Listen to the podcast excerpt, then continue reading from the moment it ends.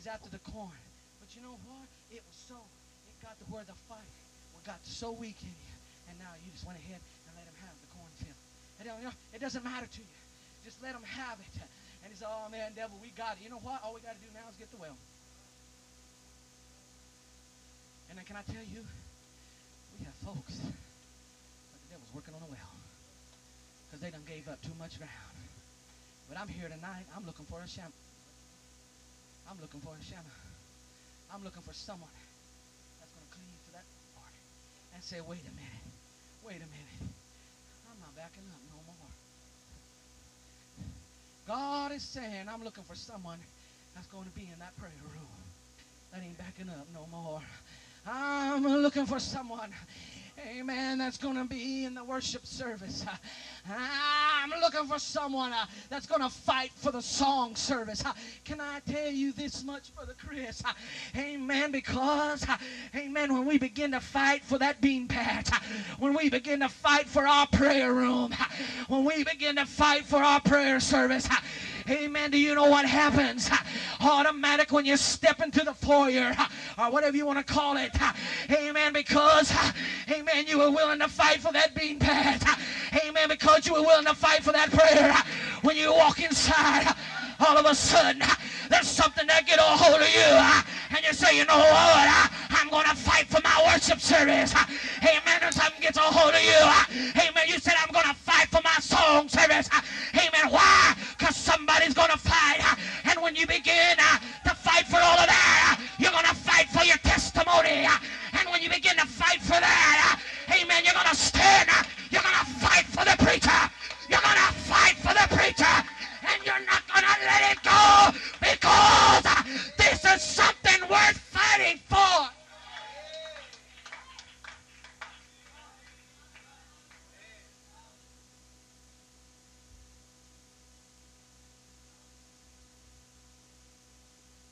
Moses.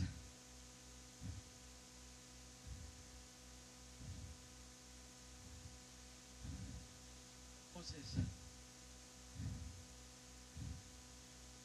Heavy heart. Moses, when he came out of the mountain, looked at the people. He looked at Aaron. I said, Aaron, what are you doing? What all these people made you do? You quit fighting. But you know what? You need to quit your quit. No, that ain't right. No, that ain't right. You don't need to fight. You need to start fighting. You need to start fighting what's right. It's not time for the Chris. In this last month, I have found one thing.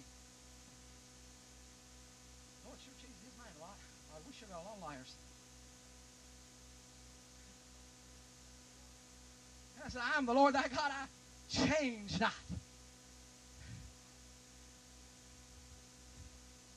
I'm serious. I said, either one or two things happening. Either the Lord's doing a whole lot of shaking. Because the Bible says, whoever shall be shaken will be shaken. And I said, either one or two things happening. either the Lord sure changing his mind a lot. Uh, he's a funny guy. We got a lot of liars. one of the two. There's something happening. But you know what I think it is? I think somebody's lying. I said, I think somebody's lying. Hello? Hello? You can't stand up. I'm sorry. You cannot stand up in one service and tell me God has told you to stand here and fight with that man and never show up again. You can't tell me face to face, Brother James, man. Hey, brother, you leaving? No, man. I'm going to stand from the old school, Jack. I believe in fighting. I'm going to stand by my man. Stand by your man. Stand by my man.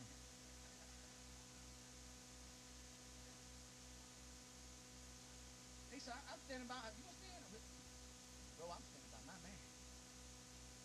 He knows I'm on his side. I I'm glad I wasn't going out playing football. I'd lose. All my linemen are leaving.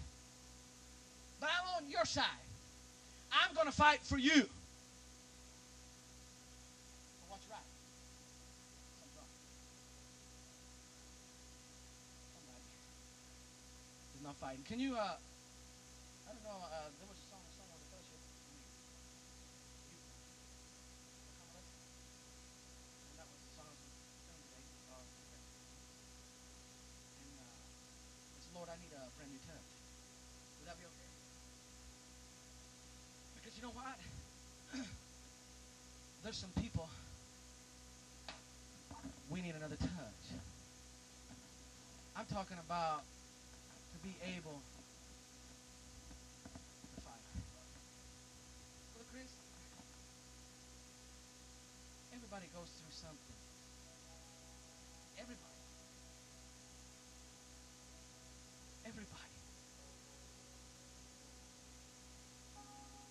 But you know what, folks? Well, we're not do it that way. That's the stuff about us. But you know what? We need to start grabbing one another's hand. And say, come on, brother. Come on, sister. This is something worth fighting for. Brother Chris, we got a lot in common, Brother Marcel. 40 years ago, an old man started digging the foundation.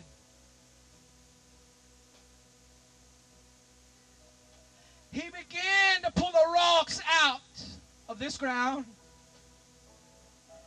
He began to pluck the weeds. And he taught us, Sister Vi, that this is something worth fighting for. He was a man that went, Brother Brock, and took his own grandchildren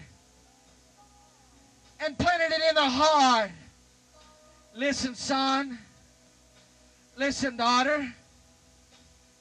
This is worth fighting for. It took him all of these years to build and to plant his bean patch. This is my past. This has been my present. What happened?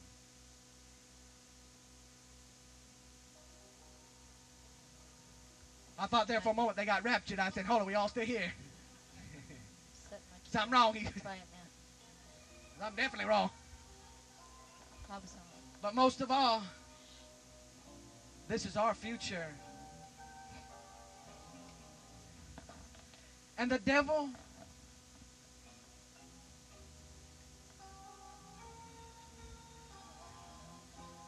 And you know what the devil has done?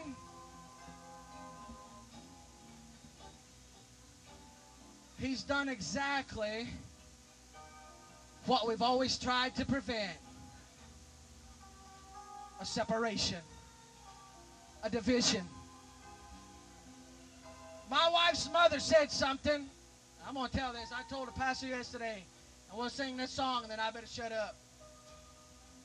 She told my wife, she said, You know what? I want to tell you something. She said, This wall. I'll use the wall. She says, You know, this wall, when you put it up, she used the post. It's a beautiful wall. Nothing wrong with the wall.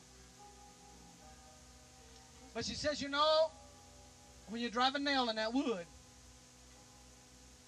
you've scarred that wood. Y'all listening? You've scarred it. You can nail and nail and nail and nail, and every time you put a nail in there, you've scarred that wood. You can paint over it. You can patch it. It'll never be the same. No matter how much you try, it'll never be the same. And some of us, our hearts have been scarred. No matter how much we paint it on the outside, no matter how much that we try to patch it, that scar's going to always be there. It's going to be there. It'll be there to remind you. But I'm telling you, through it all, we're going to have to fight. We're going to have to fight. We're going to have to have the desire to fight, Brother Marcel. Can we sing that song and that? Lord, you know I need a brand new touch. My strength from yesterday is gone. How many of you would be willing to admit your strength is gone? But if you